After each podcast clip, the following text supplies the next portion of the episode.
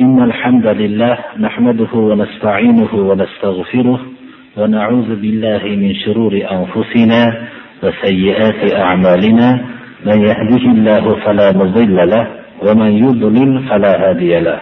وأشهد أن لا إله إلا الله وحده لا شريك له وأشهد أن محمدا عبده ورسوله. أما بعد السلام عليكم ورحمة الله وبركاته. Alloh subhanahu va taolo odam alayhissalomni yaratib u kishining juftini yaratdi va ikkovlaridan butun olamga er va ayollarni taratdi. Ya'ni yer kurrasi inson bilan to'ldi desak xato qilmagan bo'lamiz. Alloh subhanahu va taolo agar odam alayhissalomni hozir bir tiriltirib shu insonlarni bir ko'rganlarida shu insonlar odam alayhissalomdan yaratilinganligi bilan xabardor qilinganlarida albatta bir ajablangan bo'lsalar kerak edi. Alloh subhanahu va taolo insonni mukarram maxluq qildi. Va insonni mukarram maxluq qilibgina qo'ymasdan tamomiy mavjudotni shu inson uchun yaratdi. Insonni bo'lsa bu mavjudot uchun yaratmadi. Balki insonni yakka ollohgagina ibodat qilishlik uchun yaratdi. Estaizu billah ve ma khalaqatul cinne vel insa illa liya'budun. Aksar ulamolarning fikri bilan payg'ambarlarning avvali Nuh alayhissalom va oxirlari Muhammad alayhissalom. Nuh alayhissalomgacha odamlar bir ummat edi. Ya'ni ularda bir hech qanday ixtilof yo'q edi ular Allohning odam alayhissalom va u kishining nuh alayhissalomgacha bo'lgan zurriyotiga fitrat bilan bildirgan tavhidi asosida yashashardi ya'ni odamlar bir ummat edi Nuh alayhissalomning davrida shirk boshlandi. Nuh alayhissalomni masxara qilishdi. Alloh subhanahu va taolo Nuh alayhissalom va u kishiga ergashganlarni kemada saqladi va tamomiy obod qilgan yer kurrasini botqoqqa botirib tashladi. Mana bu Nuh alayhissalomga ergashgan ozgina kemada salomat qolgan jamoadan insoniyat ikkinchi bor ko'paydi. Nuh alayhissalomdan Muhammad alayhissalomgacha bo'lgan payg'ambarlarning hammalarini ummatlari bilan bo'lgan husumatlari yakka Allohga ibodat qilish va yakka Allohga ibodat qilmaslik masalasi deydi.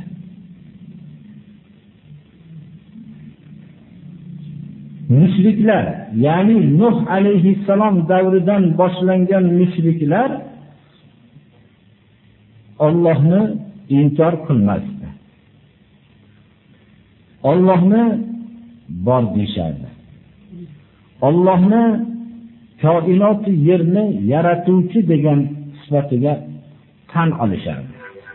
Alloh subhanahu va taolo o'ldiruvchi va tiriltiruvchi, Alloh subhanahu va taolo rizq beruvchi va Alloh subhanahu va taolo koinot yerni boshqaruvchi, tarbiya qiluvchi deb hatto rububiyat sifatiga ham iqror edi. Alloh subhanahu va taologa ibodat qilmasdan qo'yishgan emas edi. Allohga ibodat qilishardi. Lekin faqat Allohning o'ziga ibodat qilishmasdi shu ibodatlarida Allohga boshqa narsalarni ham sharik qilishardi. Mana shu xususda payg'ambarlikning asli mag'zi shundan iborat. Shu shirk bilan kurashdir birodarlar. Biz bizni mag'rurlantirmaslik kerak Allohning borligiga iqror bo'lishligimiz. Bizni mag'rurlantirmasligi kerak xullas nuh alayhissalom davridan tortib to muhammad alayhissalomning davrida bo'lgan mushriklar tan olgan sifatlarni tan olishlik bizni mag'rurlantirmaslik kerak. Modomiki bizda yakka Allohning o'ziga ibodat qilish sifati topilmas ekan biz la ilaha illalloh kalimasini aytuvchi va shunga e'tiqod qiluvchi va shuning amalini hayotda tatbiq qiluvchi kishilar jumlasidan bo'lolmaymiz birodarlar yakka Allohga bo'lgan ibodat ma'nosini biz doim darsimizda takror qilaveramiz. Toinki odamlar buni o'zlariga birlamchi haqiqat ekanligini bilib olishmaguncha. Yana takror aytamiz rasululloh sallallohu alayhi vasallam payg'ambar qilib jo'natildilar o'tgan payg'ambar birodarlariga o'xshagan yakka Allohga ibodat qilishlikka da'vat qilishlik uchun. Makka mushriklariga la ilaha illalloh kalimasini aytinglar. Ya ayyuhannas qulu la ilaha illalloh dedilar. Hamma payg'ambarlarning qur'oni karimda bizlarga bayon qilingan suralarga murojaat qilar ekanmiz. Hammalari ya qavm Ubudulloha ma lakum min ilahin g'ayruh alla ta'budu illalloh Ani'buduhu wattaquhu va ati'un. Mana shu oyatlarni tashkil qiladi. Ey xalqim ollohga ibodat qilinglar. Sizlarga ollohdan boshqa sig'iniladigan ma'bud yo'q dedilar. Yakka ollohgagina ibodat qilinglar. Ollohga ibodat qilinglar ollohdan taqvo qilinglar. Menga itoat qilinglar. Mana bu buyruqlar payg'ambarlarning asl da'vatlarining mag'zi shundan iborat. Shuning uchun odamlarning Allohni xoliq roziq muhyi va murabbiy sifatlarini tan olishlikning o'zi ularni mu'min sifati mu'minlar jamoatiga olib kirolmaydi balki yakka ma'budning o'ziga ibodat qilishar ekanlar boshqa narsalarni sharik qilmasalar shundagina la ilaha illalloh kalimasini aytuvchi mu'minlar jumlasidan hisob bo'lishadi. Tavhid ikki qismdir. Birinchi qism hozirgi aytgan xoliqiyat rububiyat va roziqiyat sifatlarida ollohni yakka deb bilish. Ya'ni yakka olloh bizga rizq beradi yakka ollohgina bizlarni yaratuvchi yakka ollohgina bizlarni tarbiya qiluvchi degan sifatlarini tan olishlik. Albatta bu sifatlarni tan olishlikdan chora yo'q. Tavhidning ikkinchi qismi va asosiy qismi va payg'ambar risolatining tub ma'nosi ibodatni faqat alloh subhanahu va taoloning o'zigagina qilishlikdir buning ma'nosi ibodat turlarini hammasini alloh subhanahu va taologa qilishlikdir biz tavhid haqidagi so'zlarimizni ko'pini avvalgi darsimizlarimiz bilan kifoya qilamizda ibodatning turlari. Birinchi e'tiqodiy ibodat. Bu ibodatning asosidir. Ya'ni e'tiqodiy ibodat deganda mu'min kishi yagona tarbiyat kunanda yaratishlik va boshqarishlik shu zotgagina xos bo'lgan manfaat yetkazish zarar yetkazishlik o'zining qo'lida bo'lgan shariki bo'lmagan va u zotning huzurida bu zotning iznisiz hech kim shafoat qilmasligini qilolmaydigan zotni tan olishlikdir. Va haqiqiy ma'bud bu zotdan boshqa ma'bud yo'q deb tan olishlikdir. Va ilohiyat ulug'iyat sifatlarining boshqalarini hammasini tan olishlik e'tiqodiy ibodat jumlasiga kiradi. Lafziy ibodat. Lafziy ibodat kalimai tavhid ya'ni la ilaha illalloh kalimasini nutq qilishlik. Kim yuqoridagi sifatlarga e'tiqod qilsa-yu, kalimai tavhidni aytmasa u o'zini islom jihodlarida qonini molini saqlay olmaydi chunki mo'min kishi o'zining qalbidagi e'tiqodni til bilan isbotlanlashligi kerak bu aniqroq qilib aytganimizda iblis Allohning rububiyat, xoliqiyat, xullas ulug'iyat sifatlarini tan olardi. Lekin u iqror bo'lmadi. U shu so'z, ya'ni nutq qilmadi. Allohning buyrug'iga bo'ysunmadi. Bu odamning kalima tavhidni nutq qilmagan odamning bu iymoni islomda qabul bo'lmaydi, birodar. Albatta nutq bo'lmoqligi kerak. islom hukmida uning qoni moli saqlanmaydi badaniy e'tiqod badaniy ibodat badaniy ibodatga bu namozdagi qiyom ruku sujud mana bu namozlardagi shu narsalar kiradi. Avvalgi biz nafsiy bo'lgan ibodatni yana bir takror qilishimiz kerak. Agar nafs bilan kalima tavhidni aytsayu e'tiqod qilmagan bo'lsa bu munofiqlarni qilgan ibodatiga o'xshagandir munofiqlar tili bilan tan olishardi e'tiqod qilishmasdi badaniy ibodatga mana namozdagi qiyom ruku sujud va badan bilan bajariladigan ibodatlar kiradi badaniy ibodatlarga ro'za haj amallari, tavof, mana bu narsalar hammasi badaniy ibodat jumlasiga kiradi. To'rtinchisi moliy ibodatlar. Moliy ibodatlar o'zining molini bir qismini ajratishlik. Moliy ibodatlarning mana boshqa ibodatlar ham ba'zilari farz, ba'zilari nafl bo'lganga o'xshagan moliy ibodatlarda ham mana farziki zakot ibodati bor. Boshqa bir ibodatlar farzdan boshqa ibodatlar vojib, mustahab bu mollarda ham bu ibodatlar bor, badanda ham bor, fe'llarda ham bor, so'zlarda ham borki, ba'zi bir ma'sur bir kalimalar bilan zikrlarni ifodalashlik bu farzdan tashqari bo'lgan ibodatlar jumlasiga kiradi. So'z bilan bajariladigan. Misol qilib olganimizda mol ibodatlari o'zini ixtiyori bilan nafaqa qilishlik, badan ibodatlari ixtiyori bilan nafl ibodatlarni bajarishlik namozlarni fe'l ibodatlari o'zining masalan badani bilan o'zining ba'zi fe'llarni bajarishlik ixtiyoriy fe'llarni.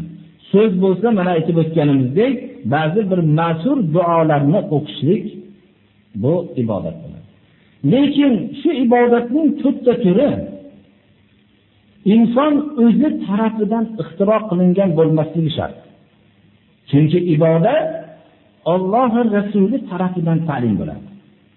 Ya'ni bir kishi e'tiqodiy ibodatni yoyinki lafziy ibodatni yoyinki xususan badaniy ibodatni yoyinki moliy ibodatlarni o'zi qalbini qo'yishlikka haqqi yo'q, modomiki o'zini inson ekanligini tan olsa. Modomiki nauzubillah ulug'iyatni da'vo qilmasa, uning haqqi yo'qdir buni qalbini qo'yishlikka. Buni qalbi o'zgarmas qalb bilan qurilgan. Ba'zi vaqtlarda namoz o'qishlik ibodat bo'lsa, ba'zi vaqtda namoz o'qishlik gunoh bo'ladi. Masalan, kun chiqayotgan vaqtda biz namoz o'qishlikdan qaytarilganmiz. kun chiqayotgan vaqtda bir odam nafl namoz o'qisa bu vaqtda bu qaytarilgan amalni qilgan bo'ladi shuning uchun qiyom vaqtida kun tikka turgan vaqtda agar bir kishi namoz o'qisa bu vaqtda makruh amalni qilgan bo'ladi ya'ni gunohkor bo'ladi bir kishi Eid kuni Eid Qurbon bo'lsin, Eid Ramazon bo'lsin, shu kuni roza tutsa, nafl roza tutsa, bu odam makruh amalni qilgan bo'ladi. Shuning uchun ibodatlar o'zining qalbida bo'lmas, o'zining o'zgarmas qalbida bo'lmoqligi kerak. Inson tarafidan o'zi ixtiro qilib olingan bo'lmasligi kerak. Bir kishi aytmasinki, ya ayyuhallazina amanu zkurulloha zikran katira. Allohni ko'p yod qilinglar degan deb o'zi maxsus zikrlarni to'qib olishlikka haqqi yo'q. Agar ko'p zikr qilgandim degan buyruqni biz o'zimiz to'qib qilaveramiz, ko'p zikr aytmoqligimiz kerak desa, Rasululloh sallallohu alayhi vasallamni ko'p zikr aytmagan kishi deyishlikka to'g'ri keladi. Chunki u kishi zokirlarning ustozidir. Bu kishidan ortiq bir kishi zikr aytolmaydi. Shuning uchun u kishi aytgan, u kishi o'rgatgan qalbdan tashqariga chiqishlikka haqqi yo'q. Shuning uchun ibodatlarning mana bu aytgan to'rtta turi o'zgarmas qalbda bo'lmoqligi kerak. Ba'zi bir kishilar Allohni ko'p zikr qilinglar degan bo'lib, mana bu narsani o'zlaricha to'qib olishlikka hech kimga haqqi yo'qdir. Shuning uchun ma'sur duolarni o'rinda aytishlikka qaysi bir duolarni qaysi o'rinda aytgan bo'lsalar, mana shunga e'tibor bermoqligimiz kerak. Shunda biz Rasululloh sallallohu alayhi vasallamga o'zimizni taqlid qilib chiqishiga ergashsak, shunda eng katta zokirlardan bo'lamiz. Mabodo bir kishi umri bo'yi roza tutgan bo'lsa, nafr roza tutgan bo'lsa, bu odamdan Rasululloh sallallohu alayhi vasallam tutgan kunlarda roza tutgan odam afzaldir. Dushanba, payshanba kuni va oydin kechalarning 3 kunida roza tutgan o'tgan kishi umrbod roza tutgan odam mumkin vallohu a'lam agar o'zida shu eng katta ibodat deb e'tiqod qilgan bo'lsa vallohu a'lam savob olmaydi. Lekin Rasululloh sallallohu alayhi vasallam dushanba kuni tutganlar, payshanba kuni roza tutganlar va oydin kechalarda tutganlar deb mana Ramazondan keyingi Eidni o'tkazib 6 kun tutishlikka targ'ib qilganlar deb tutsa, e, hadislarda ko'rsatilgan buyruqlarni qilgan bo'lsa, bu odam eng katta savoblik ishni qilgan bo'ladi. Inson o'zicha ibodatning turini tuzib olishligi bilan xatoga yo'l qo'yadi. Bizlarning xatoyimiz yerda birodarlar. Bizlar biz musulmonlarning ko'plari xatoni mana shu tarafdan ko'p odashyaptilar. Biz nafl namozlar o'qishlikka buyurilgan qatorda ba'zi vaqtlarda nafl namoz o'qishlikdan qaytarilganmiz. Nafl ro'zalar tutishlikka buyurilishlik qatorida ba'zi kunlarda nafl ro'za tutishlikdan qaytarilganmiz. Shu narsani yaxshi bilmoqligimiz kerak. Demak, ibodat turlari muqarrar bo'lar ekan, Alloh subhanahu va taolo payg'ambarlarning hammalarini avvallardan to oxirlarigacha ibodatni faqat Alloh subhanahu va taologa qilishlikka da'vat qilishlik uchun yubordi. Chunki Makka mushriklari, ya'ni Allohni bor degan mushriklar, Allohni rizq beruvchi degan Makkadagi mushriklar deb tan olgan, Allohni o'ldiruvchi va tiriltiruvchi sifatini tan olgan va Allohni koinoti yerni yaratgan va boshqarib turuvchi deb tan olgan Makkadagi mushriklar la ilaha illalloh deylar deish xitobiga loyiq bo'lishdi. Bular Rasululloh sallallohu alayhi vasallamning la ilaha illalloh degan kalimalarni yaxshi tushunishardilar. Va shuning uchun ham ular payg'ambarimiz sallallohu alayhi vasallamni ajitana lina'budalloha vahda yakka Allohni o'ziga ibodat qilishligimiz uchun shunga bizni chaqirib payg'ambar bo'lib keldingmi deyishdi. Ular arab edi. Ular arab tilini yaxshi tushunishardi. Ular bu kalimaning tagida nima bekinib yotganligini bilishardi. Agar la ilaha illalloh kalimasini aytib qo'yishlik bilan bu tarafdagi hayotni boshqa ishlarda omon-omon bo'lib yurishlik bo'lgan bo'lganda payg'ambarlarning da'vati qanday oson bo'lgan bo'ladi. Qanday odamlar bunday la ilaha illalloh kalimasini aytmagan odam yer yuzida qolmagan bo'lardi, magar dahriylar qolardi. Rasululloh sallallohu alayhi vasallamning hadisi muboraklarida agar la ilaha illalloh kalimasini tarozini bir pallasiga qo'yilsa va koinoti yer hamma mavjudotni ikkinchi pallaga qo'yilsa la ilaha illalloh og'ir keladi dedilar. Agar shu aytib qo'yishlikni o'zi bo'lganda bunchalik qiymatli narsa bo'lmasdi birodarlar. Hasan Basriyning Alloh subhanahu va taolo insonga la ilaha illalloh kalimasini bildirishlikdan ko'ra katta ne'mat bermadi degan so'zlari uning ma'nosi nima degan bo'ladi? Agar la ilaha illalloh kalimasini aytib qo'yishlikni o'zi bo'lganda. Ibodatlarning turlari mana birinchi duo. Takror darslarimizda aytyapmiz, yana aytamiz. Duoni agar Alloh subhanahu va taoloning o'ziga qilsak, ibodatni faqat Alloh subhanahu va taologa qilgan bo'lamiz. Agar duoni boshqa narsalarga qilsak, xoh mozorlar, xoh daraxtlar, xoh tog'lar, xoh buloqlar, xoh boshqa maloikalar, xoh bir jin, boshqa narsalardan biz madad so'rasak, duo ya'ni ibodatni boshqa narsaga qilgan bo'lib shirk bo'ladida alloh subhanahu va taolo buni kechirmaydi agar bir kishi buni aytsaki men ibodat qilayotganim yo'q ya'ni sajda qilayotganim yo'q duo qilyapman desa ibodatning ma'nosini tushunmaydi. Duo ibodatlarning turlari istionat yordam so'rash agar Allohdangina yordam so'ralsa bu narsa ibodatni Allohni o'ziga qilgan bo'ladi.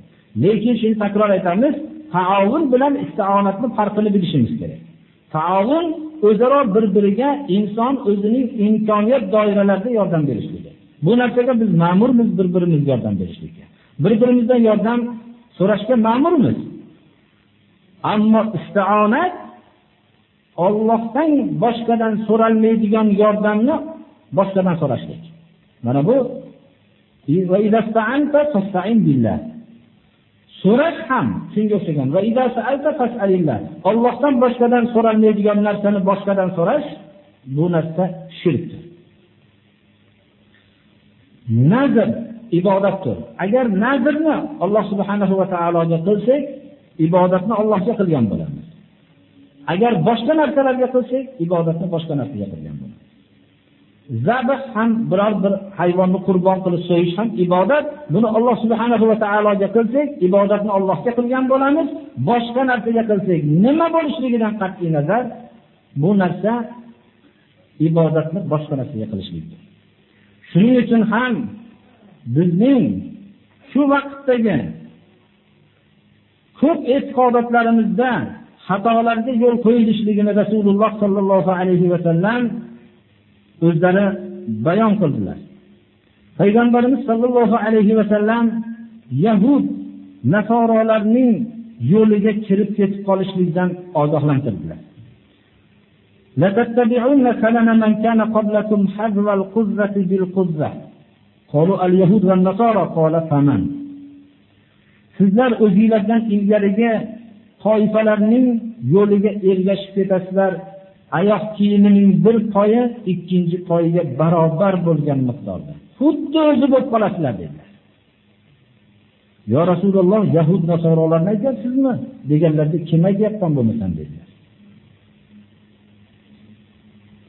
Ba'zi rivoyatlarda لتأخذن هذه الأمة مأخذ الأمم قبلها شبرا بشبر وذراعا بذراع قالوا فارس والروم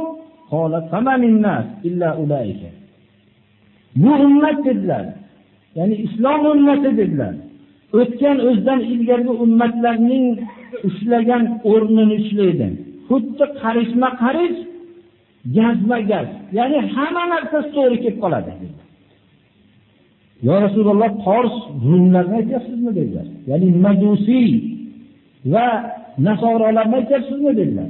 Deganlarda odamlar shularni aytmasdan kim aytyapman dedilar.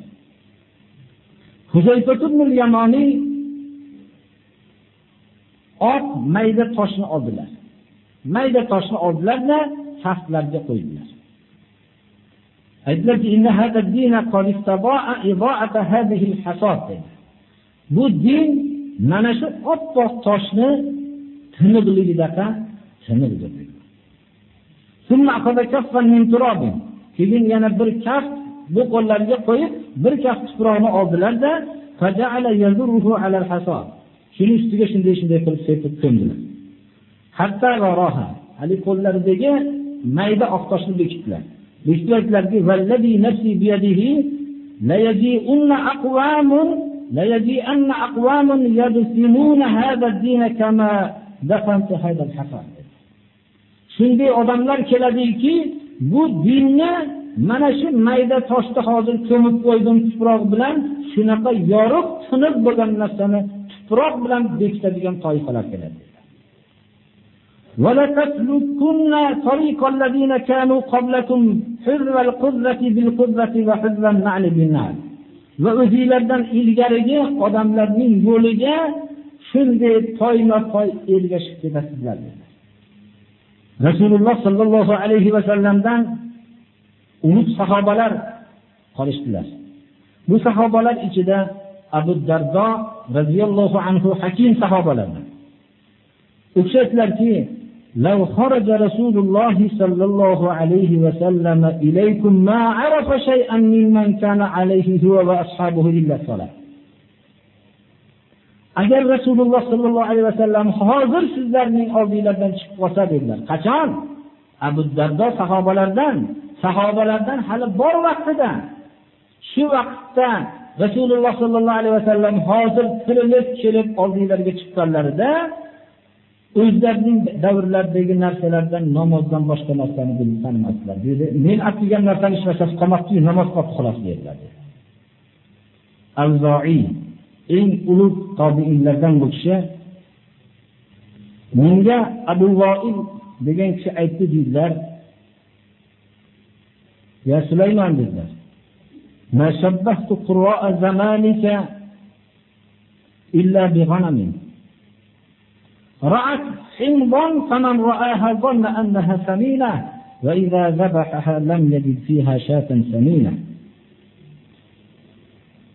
ey sulaymon dedilar avzoiyga qarab men seni zamoningdagi qorilarni ya'ni o'zlarini dinni bildim deb yurgan odamlarni bir nordon narsani ko'p yeb suvni ko'p ichgan bir qo'yga o'xshataman Birov ko'rsa buni hozirgi vaqtda ham bozorga chiqib ketayotgan qo'ylarga nordon so'r narsani yeb suvni ko'p ichirib chiqadi.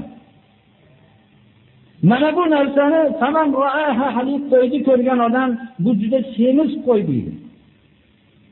Lekin uni so'yib ko'rsa, ichidan hech narsa chiqmaydi. Shunga o'xshataman.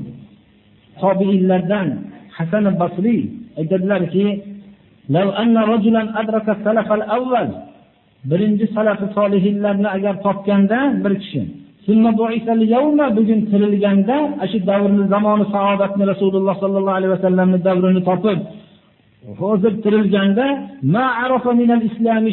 islomdan biror narsani topolmagan bo'lardi. Qo'llarini shunday yuzlariga qo'ydilar hijolat bo'lganlarda va aytdilarki ana shu namoz qoluvdi dedilar. Namozni topardi ثم قال أما والله لمن عاش في هذه النكراء ولم يدرك هذا السلف الصالح فرأى مبتدعا يدعو إلى بدعته ورأى صاحبا دين يدعو إلى دينه فعصمه الله من ذلك وجعل قلبه يحن إلى ذلك السلف الصالح. يسأل عن سبيلهم ويقتص آثارهم يتبع سبيلهم ليعوض أجرا عظيما ليعوض أجرا عظيما. ya'ni shu ma'noni aytdilarki agar salafi solihinlarni topgan odam hozir tirilganda shu namozdan boshqa narsani topolmasdi. Rasululloh sollallohu alayhi vasallamning hadisi muboraklari borki bada al islamu g'ariban va sayaudu kama bada fatuba lil ghuraba. Islom g'arib bo'lib boshlangan va g'ariblikka qaytadi. Avvalgi boshlangandaqa g'ariblarga jannat bo'lsin dedilar. G'ariblar kimlar? G'ariblar fohisha zino ma'siyat mast qiluvchi ichimliklar ichib yurgan gunohlar qilib yurgan yigitlar ichida qanday qilsam Allohni rozi qilar ekanman? Qaysi amalim sunnatga muvofiq bo'lyapti ekan qaysi amalim bid'at bo'lyapti ekan deb har bir hayotida o'zini tekshirib yashayotgan kitobi sunnatga o'zini muvofiq qilishlikka urinayotgan yigitlar fohishaboz bid'atlarga cho'mgan butun zino mast qiluvchi ichimlik hashandalik shuni ichida yashayotgan yigitlar ichida g'aribdir. G'aribdir u chunki uni hayotni gashtini bilmayotgan ahmoq deb qaraydi unga. Bu qanchalik ularga qalbi bilan ey birodarlar haqqa yuringlar desa uni tushunmaydi. Hayotni gashtini bilmayotgan nodon deydi unga qarab g'arib mana shu yigitdir. G'ariblar kimlar? G'ariblar qariyalar. Sunnatga o'zini muvofiq qilishlikka harakat qilyapti. Qanday qilsam kitobi sunnatga muvofiq yashayman ekan deyapti. Qaysi amalim sunnat ekan qaysi amalim bid'at ekan sunnatni hayotimga tatbiq qilib, bid'atdan ehtiyot bo'lay desa qarigan vaqtida aynidi bu deb xitob qilayotgan qariyalar ichida g'aribdir. G'arib bu odam. Hayotga qabrga borgan sarim o'zimni tozalay deb urinayotgan qariya butun bid'atlarga tushunib yashayotgan uning gapini tushunmaydigan bu nimadan gapiryapti deb tushunmayotgan xususan qarigan vaqtida bedanavoz bo'lib qolgan odamlarni ishida sunnat haqida gapirsa bu hayotni gashtini bilmay qariganda shunday bir sovuq odam bo'ldi deb turgan qariya g'aribdir. G'ariblar kimlar? G'ariblar bolalik vaqtidan hamma o'yin kulgiga berilganda qanday qilsam Allohning kitobini yod qilar ekanman shariat meni shariat ilmlarini o'rganmoqligim kerak. Men shariat bu ertaga qiyomatda mas'ul bo'laman deb yoshlik vaqtida o'zini Allohning ibodatiga mashg'ul qilayotgan bolalar butun o'yin kulgi ertamandan kechgacha o'yinga g'arq bo'lib yurgan bolalar ichida g'aribdir chunki buni nima bu hayotdan mahrum bo'lib yashayapti deb tushunadi. G'ariblar kimlar? O'zini oilasini shariatga muvofiq yurishligiga targ'ib qilsa farzandlarini shariatga muvofiq yurishlikka targ'ib qilsayu ayoli aytib tursaki siz zamondan orqada qoldingiz deb tursa bu farzandlari uni tushunmasa siz faqat gapingiz oxiratdan boshqa gapingiz yo'q desa mana bu oilani o'zida bu odam g'aribdir. Agarki u har qanday dunyosi bo'lsa ham har qanday uni bolalari uni borgan sari bu dadamizni yaxshi kiyimlar bilan bir aldab turmasak bo'lmaydi deb yaxshi taomlar olib kelib turmasak yana oxiratdan gapirib qoladi deb tursa mana bu ota ham g'aribdir birodarlar. G'arib kim g'arib? Farzandki haqiqiy islomni qanday qilib amal qilsam bo'lar ekan? Qanday qilsam islomga muvofiq yasharmikinman? deb turibdiyu shunda otasi sen mendan bo'lganmisan? Nimaga yoshlarga o'xshagan o'yin kulgilarga bir g'arqonmaysan? nimaga sen bo'lma yigitlarga o'xshagan mana to'ylarda mast qiluvchi ichimliklarni ichib bunday yigitlik davrini surmaysan? deb xitob qilib tursa onasi senga nima bo'ldi? Mana bu o'yin kulgilardan voz kechib sen butun hayoting mana bunday butun o'zingni saqol qo'ygan mana bunday sen butun islomdan boshqa gaping yig'ib qoldi seni. Deyotgan farzand ham g'aribdir. G'arib hammasidan ham g'arib. Hozirgi vaqtda o'zini qanday ko'rsam sahobalarni ayoliga o'xshayman ekan. Qanday qilsam azvoji mutahharotlarning hayotiga meni o'xshar ekan deb o'zini ziynatini bekitib o'zini gunohlardan saqlab o'zini nomahramlarga ko'rsatmaslikka harakat qilib o'zini hijobga olib turgan vaqtda ko'chalarda masxaralarga duchor bo'lgan o'zining iymoni bilan ertaga qiyomat kuni Alloh bizdan so'raydi deb o'zining farzandlarini islom yo'lida tarbiya qilishlik bilan o'zini mashg'ul qilgan ayol undan ham g'aribrog'i shuki yosh turib hali qiz bolalik vaqtida o'zini hijob bilan yurishlikka o'zini qanday qilsam Alloh rozi bo'lar ekan? Bu gunohlardan o'zimni tiymoqligim kerak. Ziynatlarimni bekitmoqligim kerak.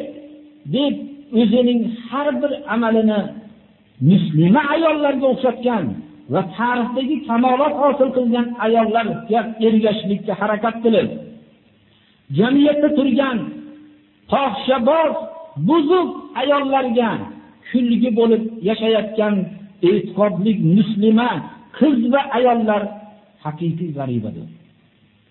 Chunki ular ularga haqni gapirgan sari masxaraga duchor bo'lib yashaydi. Rasululloh sallallohu alayhi va sallam g'ariblik g'ariblarga jannat bo'lsin deganlarning siri ham shu bo'lsa kerak. Chunki g'arib o'zining hayotida nihoyat darajada mustahkam bir suyanchiqqa suyanmas ekan u tashqi muhitdagi har xil zarbalarga ta'sirlanib o'zining haqiqiy e'tiqodidan ajralib qolishligi nihoyatda osondir birodarlar. G'arib kim yana g'arib o'zining hayotini hammasini johiliyat bilan o'tkazgan fisqi pujur bilan o'tkazgan birdan islom da'vatini eshitib turib islomni mahkam ushlagan va shu kunidan tamomiy hayotini islomga tadbiq qilishlikka uringan. Shunda o'zining eski qadrdonlari unga kulib senga nima bo'ldi? Sen tuzuk odam edingu birganiga bunday bir majnun sifat bo'lib qolding degan vaqtda ey senlar men topgan lazzatni bir tatiganingda desa u nima lazzat bor bu shu yurishingda majnun sifat yurishingda? deb xitob qilib turgan vaqtda bu g'aribdir haqiqatda mana bu g'urbatda yashayotgan kishi kambag'al kishi emas birodarlar. To'g'ri. Kambag'al kishi ham g'arib lekin u g'ariblik hech narsa emas. Ma'naviy tarafdan g'arib bo'lgan odam odamlarga yaxshilikni shunchalik xohlasangiz sizga shunchalik yomonlikni xohlasa sizning qalbingizdagi tozalikni tushunmay tursa bu odam haqiqiy g'aribdir.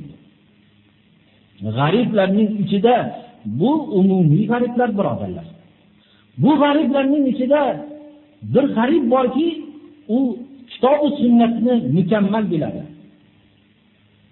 Qur'onning buyruqlarini to'g'ri tushunadi. Payg'ambarimiz sollallohu alayhi vasallamning hadisi muboraklarini to'g'ri tushunadi. Va ulamolar o'rtasida kitobi sunnatga chaqirgan vaqtida ular buning maqsadini bilib turadi haq ekanligini biladi. Lekin ular o'zlarining soxta obro'laridan mahrum bo'lib qolishligini bilib bilib turib haqqa qarshi chiqqan vaqtida mana bu odam butun qalbi bilan ularni to'g'ri yo'lga chaqirsa ular bunga har xil tuhmatlar toshini otib har xil laqablar qo'yib turgan vaqtdagi haqiqiy olimlar bu g'ariblarning ichidagi eng birinchi g'aribdir birodarlar. Chunki bu bilib turgan odamlarning qarshiligini ko'rib ularning tez kunda qiyomat kuni. Bilib ilmiga amal qilmaganligi uchun ichaklarini tortirib buni azob berilishliklarini hammasini bilib turib shunchalik o'zlarini vijdonlarini pachaqlab shu haqqa qarshi qilib turgan vaqtida bu kitobi sunnatni bilib turgan odam bunga hech chidolmaydi birodarlar. Rasululloh sallallohu alayhi vasallam islomni olib kelgan vaqtda nahotki shuncha odamlar bilmay sen bilib qoldingmi? deyishgan. G'arib bo'lib ko'ringan din. Rasululloh sallallohu alayhi vasallam g'arib bo'ldilar. Qarindoshlari ichida g'arib bo'ldilar.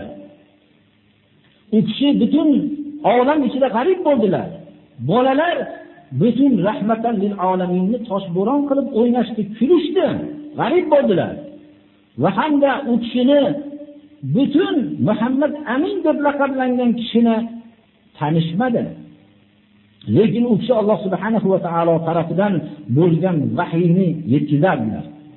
Va shu odamlarning bilmasdan u kishiga qarshi bo'layotganliklarini bilardilar va ularni duoibat qilmasdilar. Ular qanchalik azobni kuchaytirsalar bu kishi shuncha rahmdilliklarni kuchaytiradilar. Mana bu kishi g'arib bo'lib yashadilar. Islom g'arib bo'ldi. Islom odamlarga notanish bo'lib ko'rindi. Bir ajib narsa bo'lib ko'rindi. Hozirda ham ko'p kishilar g'aribki birodarlar. Haqni ba'zi odamlarga aytib tushuntirishlikni qaysi tarafdan boshlasammikin deb qiynaladi. O'zining ota onalarining qarib qolganligini ko'rib hech kunda dunyodan ko'z yumganda shu shirklar bilan o'tib ketib qolishsa abadiy azobda qolishib ketib qoladi deb bilsayu shuni tushuntirishlikka harakat qilsa ular senga nima bo'ldi? Bu aylishing qayerdan paydo bo'ldi deb tursa bu farzand juda g'aribdir birodarlar. Chunki vaqt oz qolgan ko'p qari kishilarga.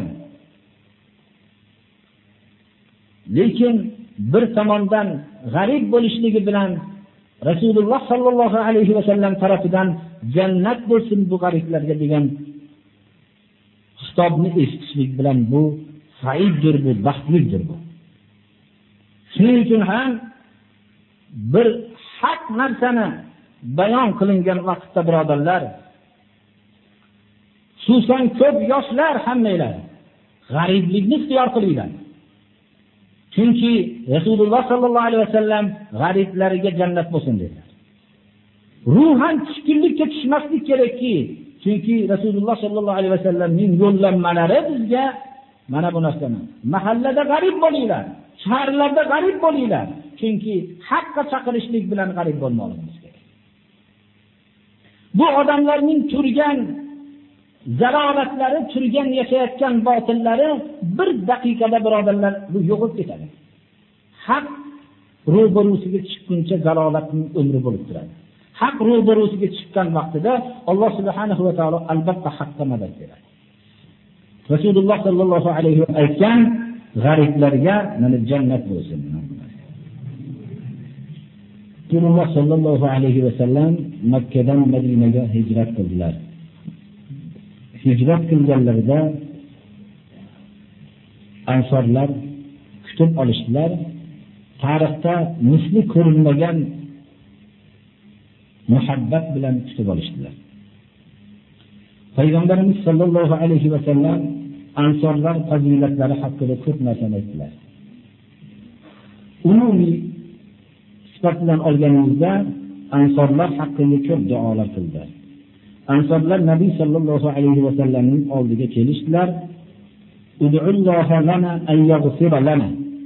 bizlarni haqqimizga duo qiling gunohlarimizni Alloh mag'firat qilsin dedilar. Faqala Allohumma ighfir lil ansor va abna'il ansor va abna'i abna'il ansor. Xudoyo ansorlarning gunohlarini kechirgin. Ansorlarning farzandlarini ham gunohlarini kechirgin. Ansorlarning nabiralarini ham farzandlarining farzandlarini ham gunohlarini kechirgin dedi. Shunda qoli ya Rasululloh va boshqalardan bo'lgan avlodlarimizni ham Alloh gunohlarini kechirsin, duo qiling dedi. Va avladil ansor dedi. Ya Rasululloh va mawalina bizlarning qo'l ostimizdagi xizmatkorlarimiz ham gunohlarini kechirsin Alloh taolo duo qiling dedilar. Va mavalil ansor xizmatkorlarning ham gunohlarini Alloh taolo kechirsin dedilar. Payg'ambarimiz sollallohu alayhi vasallam al-ansor mehnah dedilar. Ansorlar imtihon dedilar. فمن أحبهم فبحبي أحبهم ومن أبغضهم فببغضي أبغضهم ولا يحبهم إلا مؤمن ولا يبغضهم إلا منافق ansorlar imtihon dedilar kim ansorlarni yaxshi ko'rsa meni yaxshi ko'rganligi sababli yaxshi ko'ribdi dedilar kim ansorlarni yomon ko'rsa meni yomon ko'rganligi sababli yomon ko'ribdi dedi. Ya'ni meni yomon ko'ribdi ansorlarni yomon ko'rganlar dedi. Ansorlarni faqat mo'minlar yaxshi ko'radi ansorlarni munofiqlargina yomon ko'radi shuning uchun ansorlar haqida madinadagi ansorlar haqida tilimizni yomon so'z bilan aytishlikdan tiymoqligimiz kerak. Abdulloh ibn najib degan kishi aytadilarki bu aytadilarki qola aliyun ali roziyallohu anhu aytganlar dunyoda mo'min kishi borki ansorlarni uni ustida haqqi bor degan ekanlar. Qiyomatgacha mo'minlarni ustida ansorlarni haqqi bor birodarlar dini islomga yordam bergan dinga yordam bergan kishining ajri shunday katta bo'ladi qiyinlik vaqtida dinga yordam berganlarning qiyomatgacha bo'lgan odamlarni ustida haqqi bo'ladi birodarlar. Mana bu narsani qiyinlik vaqtida g'animat bilmoqligimiz kerak. Rasululloh sollallohu alayhi vasallam aytdilarki hijrat bo'lmaganda ya'ni makkalik bo'lmaganimda ansorlardan bir kishi bo'lib yashardim degan payg'ambarimiz sollallohu alayhi vasallamdan jobir ibn abdulloh rivoyat qilib aytadilarki rasululloh sollallohu alayhi vasallamga men guvohlik beramanki aytganliklariga man akhofa hadal hayya minal ansor faqad akhofa ma bayna va wada'a kaffayhi ala jambayhi kim bu ansorlar qabilasiga qo'rqitadigan bo'lsa cho'chitsa ikkita kaftlarini ikki yonlariga shunday qo'yib mana bu ikki qovurg'aning o'rtasidagi qalbni qo'rqitibdi dedilar. O'zlariga ishora qilib ansorlarni qo'rqitgan odam meni qo'rqitibdi dedilar. Ya'ni ansorlar mening yuragim dedilar. Payg'ambarimiz sollallohu alayhi vasallam jang kuchayib ketgan vaqtda jihodlarda ansorlar bayrog'ining ostida bo'lardilar. payg'ambarimiz sollallohu alayhi vasallam fathi makkada ansorlar bilan birga keldilar. Shunda hajarul asvadni o'pdilar keyin ansorlarga hajarul asvadni o'pishlikdan ilgari aytdilarki safo yoniga borib turinglar shu yerda uchrashamiz dedilar. Bordilarda safo oldiga keldilarda safoni ustiga chiqib baytullohga qarab qo'llarini ko'tarib ollohni zikr qildilarda duo qilib turdilar ansorlar pastda turishardi yig'lab duo qilganlarda ba'zilar aytdilarki mana makkaga keldilar birinchi.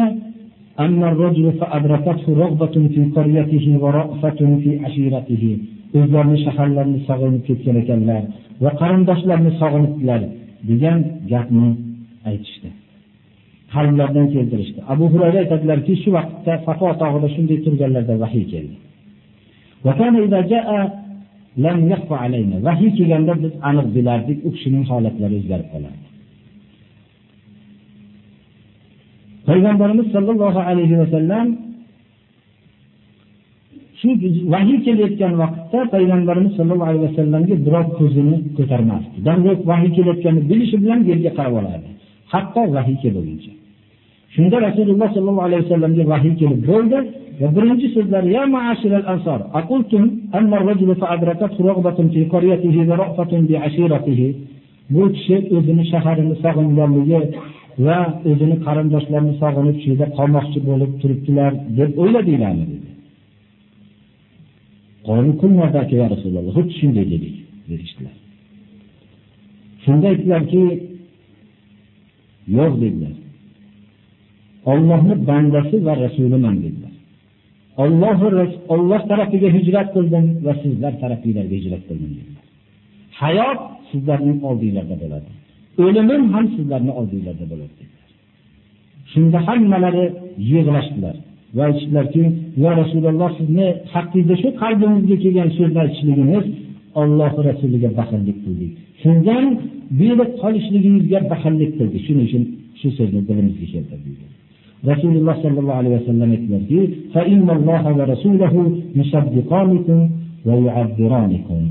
olloh rasuli sizlarni tasdiqlaydi va sizlarni uzringlarni qabul qiladi. Rasululloh sollallohu alayhi vasallam ansorlar haqida ko'p maqtovlarni aytdilar. Sizlar adashgan holatda kelmadimmi sizlarni to'g'ri yo'lga solmadimmi dedilar. Ya'ni to'g'ri alloh taolo sizlarni men sababli hidoyat qildimi dedilar. Ha deyishdilar. Kambag'al edinglar alloh subhanahu va taolo men sababli sizlarni badavlat qildimi dedilar. Ha deyishdilar alloh subhanahu va taolo sizlarni haq yo'lda barqaror qildimi men sababli dedilar ha deyishdilar. Shunda aytmaysizlarmi siz joysiz keluvdingiz joyladik demaysizlarmi dedilar. Biz sizni qavmingiz sizni yolg'onchi degan vaqtda biz sizga iymon keltirib tasdiqladik deb aytmaysizlarmi sizlar ham deganlarida. Yo'q olloh rasuligagina minnat biz bu so'zni aytmaymiz birodarlar inson bir yaxshilikni qilishligi qiyin. Lekin ansorlarning yaxshiligini qilish juda bu qiyin narsa bu. Lekin shu narsani ansorlardagi fazilat umrlarining oxirigacha minnat qilmasdan o'tib ketishdilar. Hatto rasululloh sollallohu alayhi vasallam minnat qilmaysizlarmi haqqinglar bor sizlarni aytishlikka deganlarda ham yo'q deyishdilar. Alloh subhanahu va taolo bizlarni ham din islomga yordam beradigan kishilardan g'aybni aytdi degan savol aytdi bu bu narsa deyilgan yamoniy rasululloh sollallohu alayhi vasallamdan eshitgan so'zlarini aytdilar.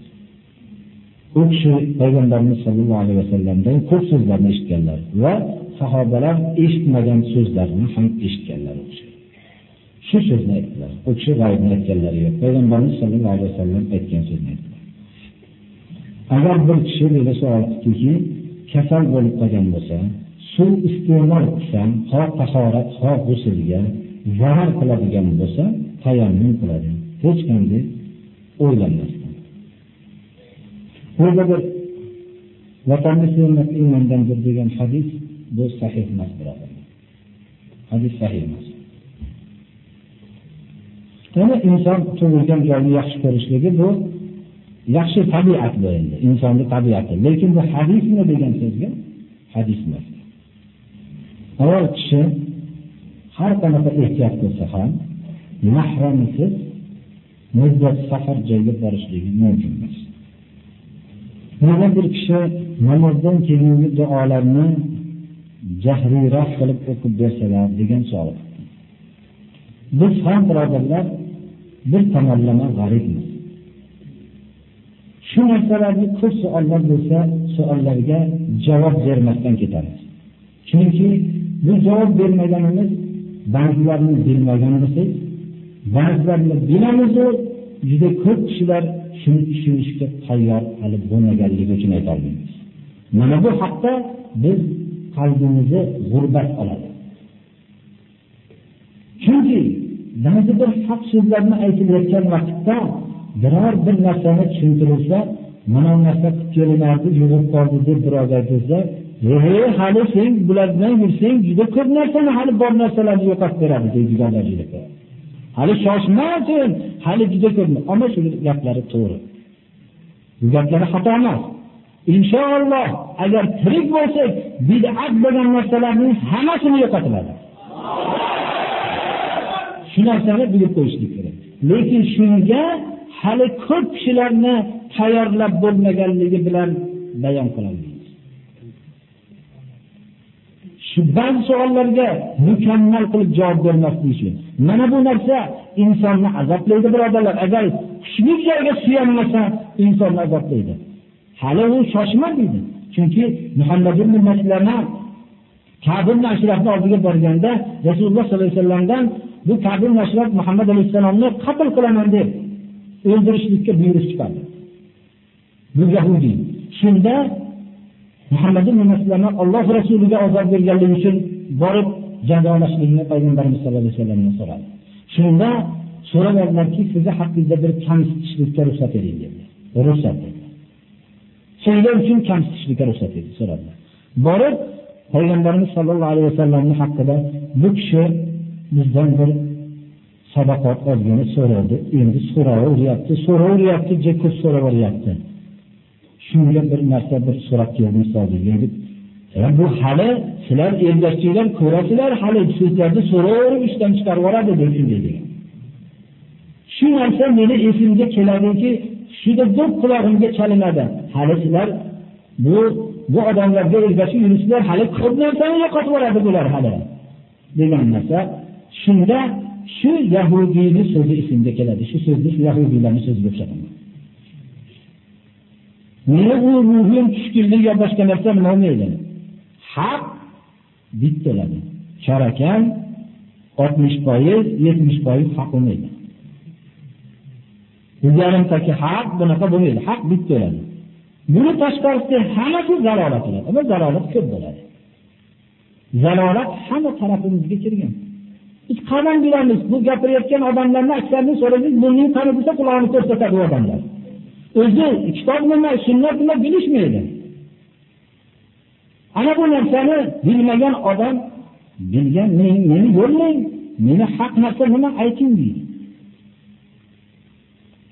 Shuning uchun bu yerdagi savolni ham bu shunaqa savollar ko'p bo'lsa ham javob qilmasligimizni siri shu endi hozir men shu narsani bir qisman rasululloh sollallohu alayhi vasallamning asl sunnatlari borki bu narsa haqida inshaalloh o'zini o'rni kelganda bunga javob mukammal bo'ladi inshaalloh. Lekin biz sizlardan sizlarni ahdinglar menga yo'qki men sizlarga men ahd bermaganmanki bir o'rtada bir haqqa rasululloh sollallohu alayhi vasallamga ashoblar aytishardilarki bizni barakil g'amotga shu dengizga sho'ng'ing desa sho'ng'ing deyishardilar barakil g'amodiki masofasi uzoq xatarli yo'lga bizni yo'llang biz ortingizdan keta olamiz deyishardi. Iymon shunday. Alloh subhanahu va taolo iymonni shunday qalblarga ziynatli qilgan rasululloh sollallohu alayhi vasallamni buyruqlarini oldida yer kurrasida hamma gapni bir chaqaga olishmasdilar. Hattoki asrni bani qurayzada o'qinglar bani qurayzada o'qinglar asrni dedilar buyurdi. Ya'ni u so'zlar faqat shu Bani Qurayza. asrni uhuddan kelib turganlarda asr namozini bani qurayzada o'qinglar dedilar shunda ashoblar ketishadilar asr qazo bo'laverdi asr qazo bo'ldi bani qurayzaga asr vaqti o'tib ketgandan keyin asr o'qishdilar. Chunki rasulga buyurdi deyishdilar tamom. Shunday rasululloh sollallohu alayhi vasallamga ergashishardilar birodarlar.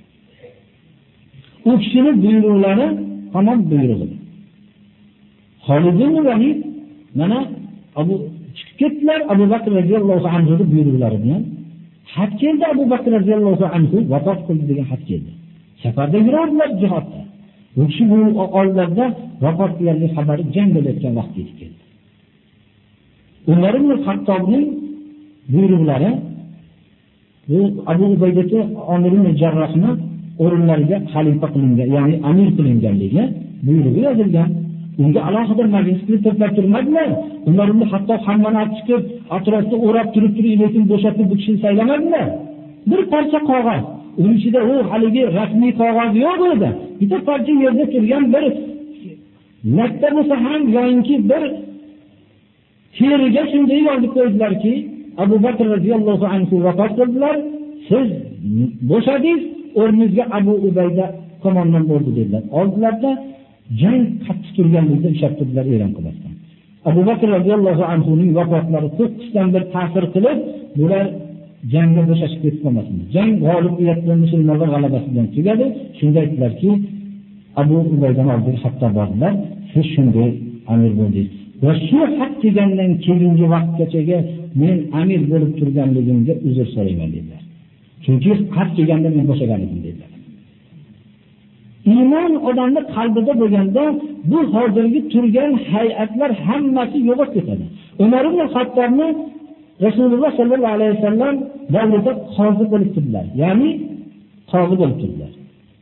Mahkamalari unaqa katta emas edi shu oddiy joy endi biz tasavvur qilolmaymiz buni birodarlar.